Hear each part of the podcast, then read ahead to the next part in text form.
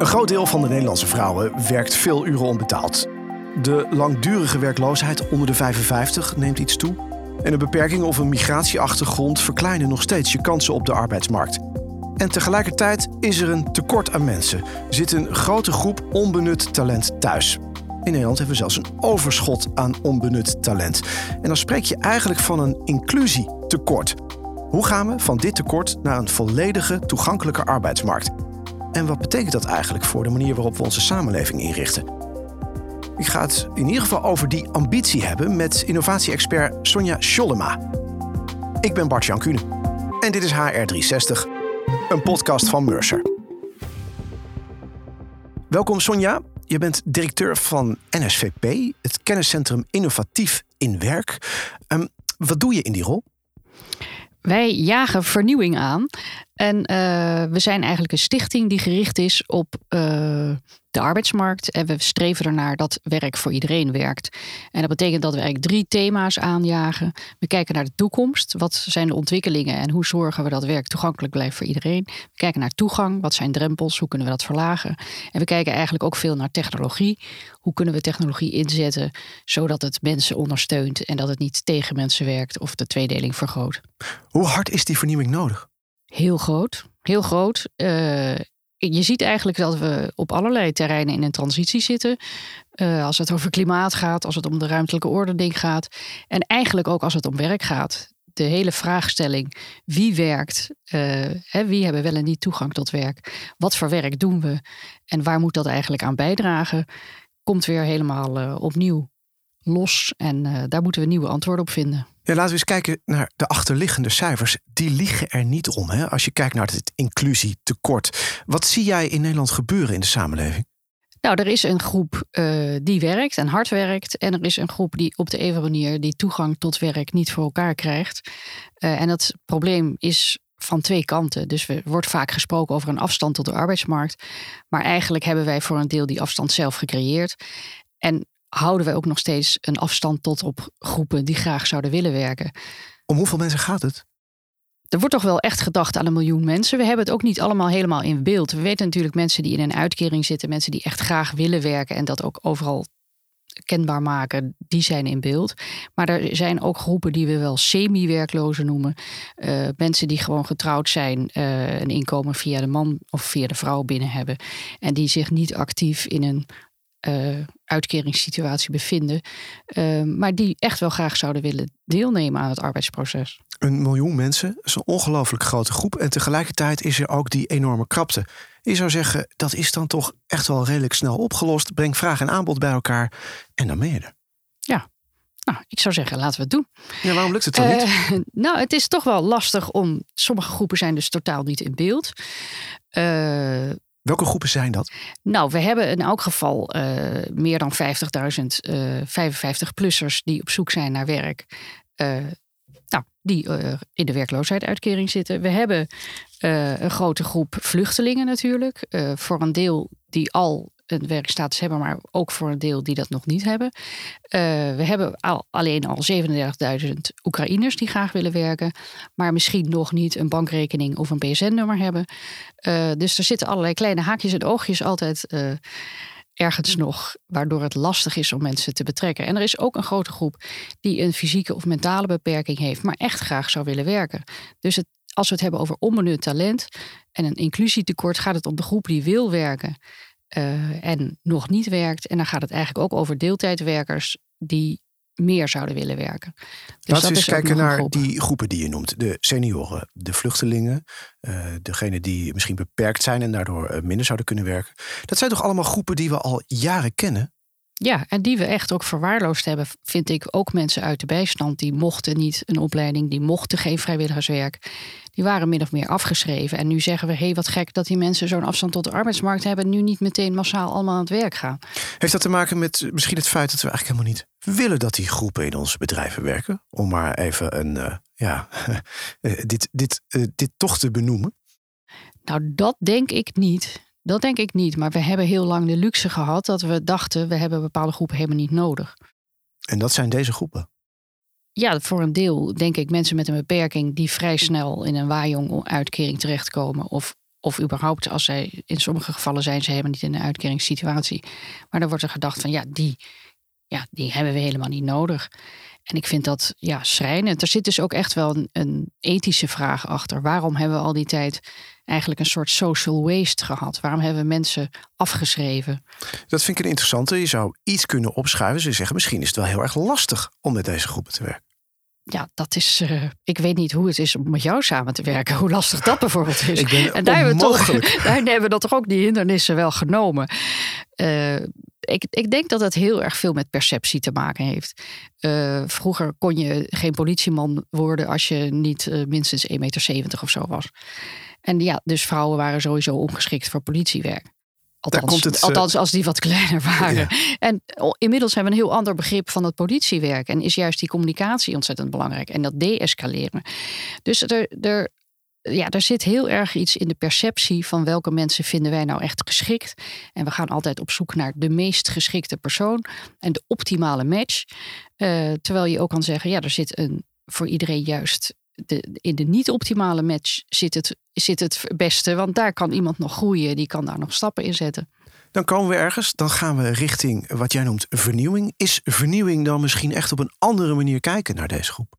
Dat is denk ik nog niet eens echte vernieuwing. Dat is, versta ik echt om een verandering van attitude of verandering van gedrag. Ja. Dus hoe kijken we naar mensen en talent? En vernieuwing vind ik wel echt innovatieve ideeën. Van hoe kan je nou het makkelijker maken? Hoe kan je het aantrekkelijker maken? Hoe kan je nou bepaalde systeemdrempels wegnemen? Hoe kunnen we samenwerken in plaats van elkaar beconcurreren in zo'n arbeidsmarkt waarin het echt op het scherpst van de snede gaat? Bied jij meer dan ik? Of uh, hoe kaap ik iets bij jou weg? Kunnen we niet veel creatiever zijn in hoe we met elkaar omgaan om die krapte op te lossen? En ook, ik vind het ook een belangrijke vraag uh, als, als ik erin slaag om hier als Philips, zeg maar wat, uh, al mijn mensen binnen te hebben en alle high potentials te pakken heb. Uh, ja, wat doet dat bijvoorbeeld met sectoren waar juist tekorten zijn, zoals onderwijs, zorg? En wat betekent dat als we op de langere termijn eigenlijk die groepen mensen niet meer kunnen werven op de arbeidsmarkt? Dus het is niet alleen je eigen hachje redden, het is ook de maatschappelijke vraag. Wie werkt waar en hoe kunnen we de, de essentiële beroepen overeind houden? Je praat dus over transitie. Wat is nog meer onderdeel van die transitie? Nou, ik denk het grootste, de grootste stap is, wat vinden we inderdaad talent? En, en ja, hoe kijken we naar mensen? Uh, ik vind het belangrijk dat we uh, kijken naar opleiding. Uh, er zitten ook best nog veel drempels in opleidingen zelf. waarom wordt er bijvoorbeeld in bepaalde mensen wel geïnvesteerd, in andere mensen niet? Uh, we hebben er heel erg voor gezorgd dat opleiding een particulier en door mensen zelf betaald uh, verhaal is. Maar als je nou echt tekorten hebt in bepaalde sectoren, zou je dan niet toch iets in die, uh, ja, in die kosten moeten doen? er zit ook iets in garantie van werk. Je gaat een hele omscholing in. Kan je dan niet gewoon al van tevoren weten dat je zeker bij iemand terecht kan? er zit heel veel in behoud we gaan vrij makkelijk met mensen om. Er is toch altijd nog grote burn-out cijfers, ziekteverzuimcijfers. Uh, we leunen makkelijk op mensen, maar investeren misschien niet altijd optimaal. We zorgen niet altijd voor die juiste werkcondities. Ik denk dat er heel veel te doen is. Ja, het ligt een grote opgave als ik je zo hoor. Je zegt ook, um, we doen heel veel innovatieve ideeën op. Die delen we ook graag met uh, werkgevers op dit vlak. We gaan zo horen welke innovatieve ideeën jullie dan hebben voor werkgevers om hier stappen in te zetten. Uh, de vraag is natuurlijk ook hoe je als werkgever je organisatie zo in kan richten dat je volledig bijdraagt aan die toegankelijke arbeidsmarkt en daar kan de minuut van Mercer ons wellicht ook bij helpen. Daarom weer de connectie met mijn naamgenoot bij Mercer, Bart-Jan Willemborg. Met Bart-Jan. Hey, Bart-Jan. Met Bart-Jan. Hey Bart-Jan. Jullie hadden het er net al over. Er is iets opmerkelijks aan de hand op de arbeidsmarkt. Waarom blijft zoveel talent onbenut? Laten we nog even wat cijfers erbij pakken. Nederlanders zijn nog steeds Europees kampioen deeltijd werken. 4 op de 10 werknemers heeft geen volledige baan. Vrouwen werken gemiddeld 29 uur per week en mannen gemiddeld 39 uur per week. Nog steeds gaan vooral vrouwen minder werken na de geboorte van een kind. 45% van de migranten die de afgelopen 10 jaar een verblijfsvergunning hebben gekregen, heeft inmiddels een betaalde baan. Ook in de landen om ons heen zijn de verschillen tussen mannen en vrouwen nog steeds erg groot. Zelfs in Scandinavische landen waar werkgevers veel tijd en aandacht besteden aan live events, als een geboorte, werken mannen nog steeds veel meer dan vrouwen. Op basis van deze cijfers lijkt er nog heel veel winst te behalen. Hoe kijken jullie daarnaar? Altijd heel fijn als mijn naamgenoot Bartjan weer even de cijfers erbij haalt. Maar als ik deze cijfers hoor, worden de groepen die jij noemde eigenlijk niet specifiek benoemd. Maar gaat het ook heel erg over, ja, toch altijd weer die traditionele uh, kloof tussen mannen en vrouwen. Um, hoe, hoe kijken jullie daarnaar? Ik ben zelf uh, een beetje sceptisch als het om die uh, man-vrouw verdeling gaat. Uh, omdat veel vrouwen bijvoorbeeld op MBO-niveau ehm, minder werken dan hun man. Ehm, maar voor die groep is bijvoorbeeld kinderopvang ook best wel duur. Uh, dus wat je verdient en wat je uitgeeft, dat levert niet heel veel op. Dus dan zou je kunnen zeggen: oké, dan maken we uh, kinderopvang gratis. Ja, uh, opgelost. Maar dan hebben we weer allemaal mensen in de kinderopvang nodig. Dat is ook een lastig ah. verhaal. En mensen doen ook, we hebben ook een samenleving te draaien. Dus uh, er gebeurt heel veel betaald, maar er gebeurt ook heel veel onbetaald. Of dat nou de man of de vrouw is, daar zou je echt nog wel wat in kunnen schuiven. Maar ik weet dus niet of het per se per saldo meer meer betaald werk oplevert. Dus behalve als je, je onbetaald werk betaald zou maken. Maar ja, we hebben gewoon een sociale cohesie. We hebben mensen die klaar over zijn. We hebben de voorleesmoeders. We hebben uh, mantelzorgers. We hebben uh, de buurvrouw die nog een uh, extra kopje koffie nodig heeft. Weet ik veel wat er allemaal is. Dat doen mensen. Maar ja. overal waar jij nu zegt vrouw of moeders, dat zouden dus ook gewoon vaders en, en, papa's kunnen zijn. Dat zou prima kunnen. Dus in die balans moet iets verschuiven, maar dan is de problematiek dus niet opgelost. Nee, dat bedoel ik eigenlijk te zeggen. We kunnen wel zeggen, al die vrouwen moeten fulltime gaan werken. Maar dan zou ik zeggen, ja, dan moeten die mannen allemaal parttime gaan werken. Dan hebben we ook. Dus het is een gegeven. Toch, eh, veel overheidsbeleid uh, gaat ervan uit dat deze kloof tussen mannen en vrouwen gedicht wordt. Onder meer uh, de vorige aflevering ging erover. Uh, over ja, financiële gelijkwaardigheid. Dat soort zaken moeten daarvoor worden ingebracht. Um, jij kijkt toch liever naar de groepen daaromheen? Nou, als we het echt over, die, over dat onbenutte talent hebben, dan wordt die groep deeltijdwerkers dus die meer wil werken, wordt duidelijk genoemd. En zolang mensen meer willen werken, zou ik ook daar ook zeker gebruik van maken. En ik denk ook dat heel veel werkgevers dat actief dat gesprek aan kunnen gaan met medewerkers of ze dat zouden willen en onder welke voorwaarden ze dat, dat zouden willen. En ik zag toevallig vandaag een LinkedIn-post met een werk timmer timmerman gezocht. Er stond wel man. Weet ik niet of het timmerman of timmervrouw was. Maar daar stond heel erg bij. En dat geldt denk ik zowel voor man als vrouw. Wil je een keertje eerder weg? Uh, wil je een keer een dag vrij omdat het goedkoper reizen is? Heb je uh, een kind te halen of te brengen? Ga gerust je gang. Uh, het kan bij ons. Ja, het kan bij ons. En dat, dat is denk ik zowel voor mannen als vrouwen. Uh, jij zei zelf uh, net een, jong kind te hebben. Je weet wel dat dat uh, gewoon wat betekent. En ik vind niet dat je dat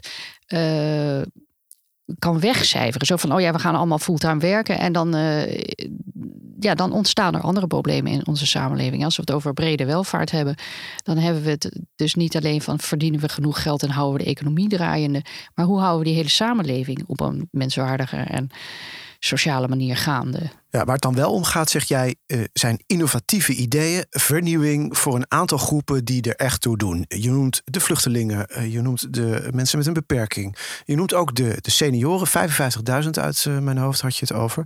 Um, laten we eens inzoomen op die groep senioren. Als je praat over innovatieve ideeën en je wil als werkgever een stap zetten om ja, eigenlijk inclusiever te worden, dus ook die groep te bereiken. Wat moet je dan doen? Nou, er zijn bijvoorbeeld uitzendbureaus 55 plus. Dus je kan ook rechtstreeks gewoon echt op zoek gaan naar die groep. Uh, ik maar dan, denk... krijg je, ja, dan krijg je dan toch een groep medewerkers die heel vaak gewoon, uh, ja, als ze ziek zijn, ook langer ziek zijn. En eigenlijk werk allemaal niet zo serieus nemen, want ze vinden hun, hun kleinkinderen veel belangrijker. Ik zeg het even gechargeerd. Ja, ik weet niet wat je daarmee wil zeggen. Is dat, denk je, hoe ik heb zelf het gevoel dat wel uh, Nederland uitzonderlijk is als het om de ziektewet gaat. En het twee jaar doorbetalen van loon is denk ik echt wel een uh, overweging voor werkgevers. Um, maar ik geloof niet per se dat, uh, ja, dat, dat dat nou zo ontzettend veel hoger ligt bij oudere mensen die ook juist meer betrokken kunnen zijn. Ja, Ik denk zelf Nou, niet ik, dat... ik, en- ik en zeg wat het ik ook- misschien en dat, en dat constateer omdat we natuurlijk wel ehm, van nature uit eh, in Nederland best wel goed zijn om groepen in een, in, een, in een hoek te zetten en daar een kader omheen te gooien. En de problematiek van een groep geldt dan meteen voor de hele groep. Ja, En we zetten ze apart. Maar als ik jouw verhaal zo hoor, ehm, is het eigenlijk wel gedaan met divisie op groepen? Gaat het veel meer over welke competentie, talent, skills, alles kun je daarin vinden? Ja, precies. Dus als je het hebt over innovatie, zit daar zit in dat skillsdenken wel een, eh, denk ik, een grote innovatieve ontwikkeling. Eh, je hebt het House of Skills in, eh, in Amsterdam, die daar als een van de eerste mee betrokken is voor de hele grote regio Amsterdam. Om te kijken hoe krijg je nou mensen aan het werk die wel, we hebben allemaal bepaalde skills en werkervaring. Ook opgedaan buiten werk. Eh, kan je niet gewoon naar die hele mens kijken, wat iemand kan. En zijn dan bepaalde skills niet veel makkelijker ook in andere beroepsgroepen in te zetten? Dus als je bijvoorbeeld kijkt, er- was bijvoorbeeld een tekort aan eh apotheekassistenten. Mhm. Als je zorgvuldig bent en je hebt eh, administratieve skills en je kan. Je bent klantvriendelijk, zeg maar wat. Dat, als dat de belangrijkste kenmerken van zo'n baan is, moet dan iemand altijd die hele opleiding hebben gedaan.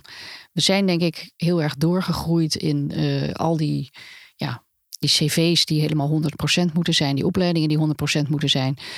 Terwijl mensen heel veel kunnen wat niet altijd in een opleiding eh, is vertaald.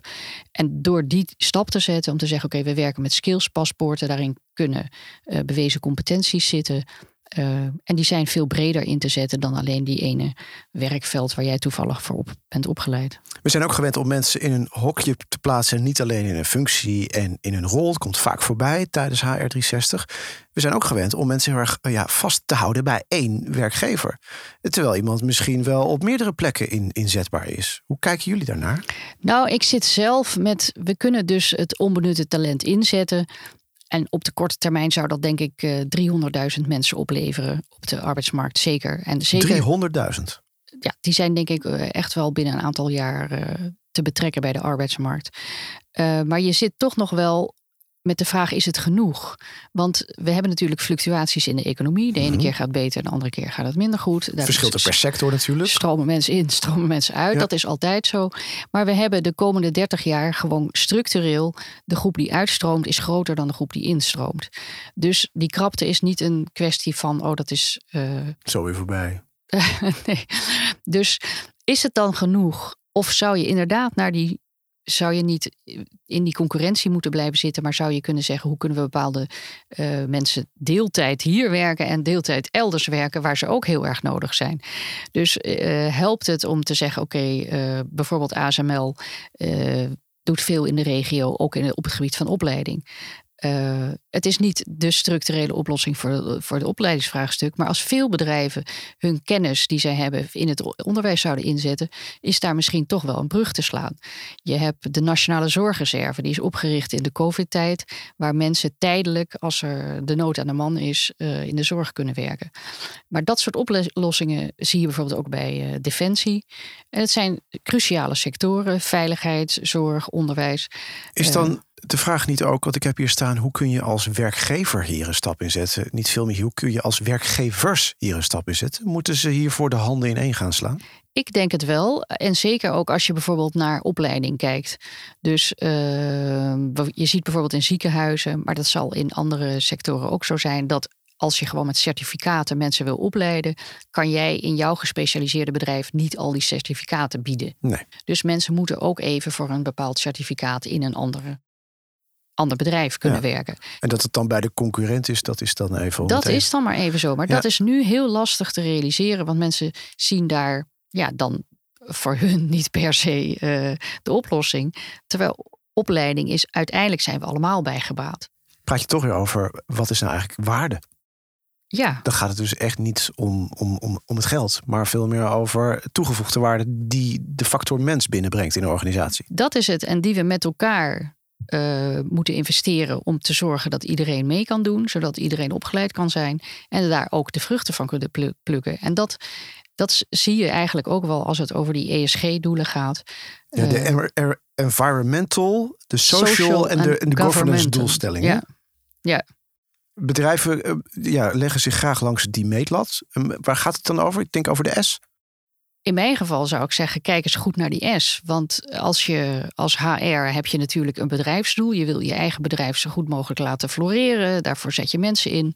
Ehm, maar het, het, kijken naar bedrijven uh, verandert toch wel. Er wordt, uh, ik denk dat heel lang is ingepeperd. Bedrijven zijn er alleen maar om winst te maken. Maar dat is helemaal niet waar en nooit waar geweest. Bedrijven doen iets essentieels in de samenleving, daarom bestaan ze. En uh, we hebben meerdere essentiële sectoren. Dus het gaat niet alleen om zorg en onderwijs. Dat zijn natuurlijk hele belangrijke sectoren voor ons allemaal. Maar het gaat er ook om dat jouw uh, lek in de kraan wordt gemaakt uh, en allerlei andere dingen. Dus. Dus die vraag waarvoor zijn bedrijven, die doen iets essentieels in onze samenleving, die hebben een rol in die samenleving. En je ziet dat dat daar nu heel expliciet wordt gekeken van wat is eigenlijk je, je bijdrage aan de ecologie en wat is jouw bijdrage aan de sociale aspecten van onze samenleving. En dan gaat het aan de ene kant van hoe zorg je zelf dat je een sociaal bedrijf bent, dat je nou goed werk uh, biedt en dat je arbeidsomstandigheden biedt en uh, een goed salaris biedt, uh, vast contract misschien wel biedt. Mhm. Maar het gaat ook om de vraag wat doe je in, de, in het bredere geheel? biedt ASML, om dat voorbeeld dan maar even te noemen, profiteren eigenlijk Nederlandse medewerkers in Eindhoven en omstreken überhaupt van het feit dat het bedrijf daar is en wie wel en wie niet. En, en daar wordt veel kritischer naar gekeken als het om brede welvaartsagenda's gaat en ESG-doelen. En dan heb je ook meteen antwoord op de vraag wat je nu als individuele onderneming kan doen om hier nu al toch een bijdrage aan te leveren aan dat inclusiviteits- of inclusietekort, zoals het wordt genoemd. Ja, ja, precies. Wat kun je nog meer doen? En dat vraag ik niet zomaar, want eh, aan het einde van elke HR360 kiezen we drie bullet points uit de uitzending. Drie take-outs die we meegeven aan de luisteraar op het eh, onderwerp wat wordt besproken. Als jij um, op het thema inclusie drie dingen zou willen meegeven aan de luisteraar, welke dingen zouden dat dan zijn? Nou, in elk geval om je eigen beeldvorming bij te stellen precies zoals jij zelf ook omschreef. We hebben een bepaalde blik waarmee we naar mensen kijken en zien niet altijd het talent wat er misschien verscholen is. We die, willen het die allemaal. benadering. Ja, en we willen het ook allemaal al bewezen hebben, terwijl investeren ook een aanpak is om bepaalde dingen tot ontwikkeling te brengen. Uh, we zouden veel meer kunnen samenwerken. Je ziet uh, in initiatieven als de buitenmoordmotor bijvoorbeeld dat, uh, ja, dat hoe je bijdraagt aan het inlenen van mensen en het opleiden van mensen en hoe je bijdraagt aan uh, opleidingsvraagstukken in de regio, dat dat een heleboel kan betekenen. En de buitenboordmotor is een van de initiatieven om inclusie te verbeteren. Nou, om van werk naar werktrajecten te ondersteunen. Je hebt open hiring, waarin mensen zonder enige voorgesprek of uh, selectie gewoon aan het werk kunnen. Dat is natuurlijk ook een mooi voorbeeld. Uh, je hebt uh, Harry Helpt. Dat zijn mensen die in de organisatie worden opgeleid om mensen met een beperking te ondersteunen in een organisatie. we hebben natuurlijk duurzame inzetbaarheidsbeleid. We hebben diversiteit en inclusiebeleid in organisaties. Dat, dat soort vragen van hoe behoud je mensen, wie geef je een kans, daar kan je heel veel in betekenen als HR-medewerker, als leidinggevende, als werkgever. Sonja Schollema van de NSVP, Stichting Innovatief in Werk. Dankjewel voor je bijdrage. We zijn dus hopelijk met al die tools ook die je meegeeft op weg naar een arbeidsmarkt die voor iedereen toegankelijk wordt. Met eh, win-win natuurlijk voor mensen, maatschappij en het bedrijfsleven. Met die ambitie begon en eindigt dus uiteindelijk ook deze podcast. In de volgende aflevering van HR360 staat onze reputatie op het spel. En die van jou, ja, jij daar thuis als werkgever misschien ook wel. We gaan het hebben over merkreputatie en waarom mensen graag voor je willen werken. Hoe creëer je fans voor je bedrijf? En het liefste, hoe maak je van je werknemer een fan? Tot de volgende. Ik hoor je daar.